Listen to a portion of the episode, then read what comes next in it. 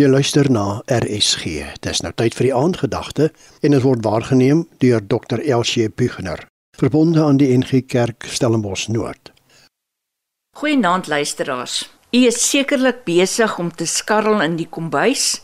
Ons gaan hierdie week by 'n paar mense of Bybelse karakters kuier. Gewone mense soos ek en jy.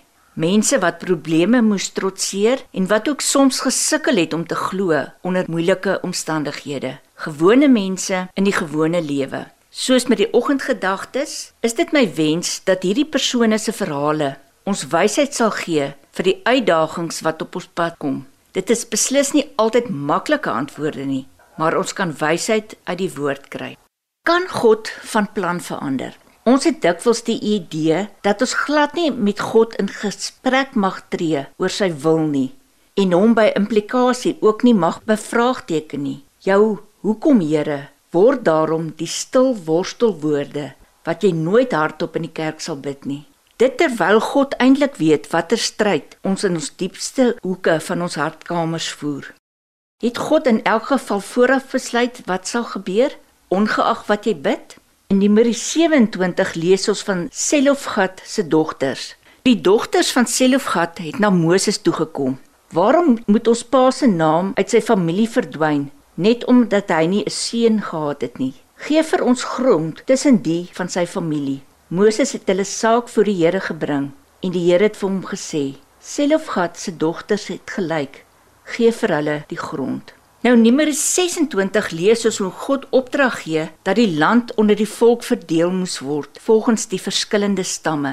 Elke man en sy seuns kry 'n stukkie grond, maar Selofgat het nie seuns gehad nie.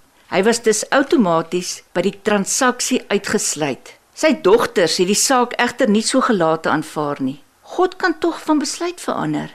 En hulle stel hulle saak aan Moses wat op sy beurt weer met God gaan praat. God het nie net simpatiek geluister nie. Hy het sy besluit verander. Teen die tradisie in het die dogters ook hulle regmatige deel gekry. God luister aktief as ons met hom praat. Hy kan ook van plan verander. Kan gerus ook Numeri 14 gaan lees. Dit is nog 'n verhaal waar Moses deur gebed intree vir sy mense en God van plan verander. Wees net opreg. Here, baie dankie dat U regtig luister as ek my saak voor u stel. Ek staan telkens in verwondering oor hoe u teen die gebruike van die dag in van plan kan verander en verander het as dit die groter saak gedien het. Amen. Dit was die aandgedagte hier op RSG, waargeneem deur Dr. Elsie Buchner, verbonde aan die NG Kerk Stellenbosch Noord.